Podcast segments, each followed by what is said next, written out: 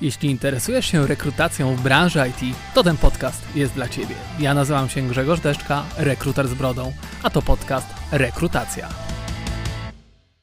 Siemaneczko, witam Cię serdecznie. Kolejny odcinek Akcja Rekrutacja, rekruter z brodą. Przez to, że publikuję treści, coraz więcej osób się do mnie zgłasza. Natomiast zgłaszają się osoby nie do końca z mojej branży. Czy powinienem je przyjmować, czy nie? Ja wychodzę z założenia, że raczej nie przyjmuję ich do swoich sieci. Chciałbym, żeby moja sieć składała się z osób, które otaczają się branżą IT. Więc to jest mój główny kierunek, w którym chciałbym po prostu się z osobami komunikować. Zależy mi na tym, żeby budować sieć, która jest oparta o jakieś wartości, która tworzy społeczność ludzi zaangażowanych w propagowanie wiedzy dotyczącej branży IT, rekruterów czy też programistów.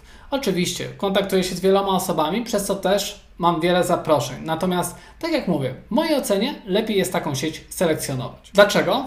Ponieważ mniejsza sieć daje Ci równie mocną wartość. Jeśli wybrałeś sobie garstkę osób, z którymi współpracujesz, które do Twojej sieci dołączyły, to masz po prostu osoby, no, można powiedzieć, wyselekcjonowane do tego, czym Ty się zajmujesz i tym, w czym działasz po prostu. Druga ważna kwestia to nie musisz znać wszystkich. Musisz znać właściwe osoby. W Twojej branży to są osoby na przykład programiści, rekruterzy, e, tak jak w moim przypadku, e, osoby, z którymi się kontaktuję w kwestiach sprzedażowych, natomiast no nie do końca potrzebuję znać na przykład osobę, która zajmuje się e, językiem angielskim i tworzy kursy, jeśli ja aktualnie takich kursów po prostu nie potrzebuję. Trzecia ważna rzecz jest taka, że publikując treści i udzielając się w swojej sieci, jeśli masz ją stargetowaną, wiesz jakie to są konkretnie osoby, to łatwiej Ci jest tworzyć treści, które wywołują po prostu jakieś zaangażowanie u tych osób.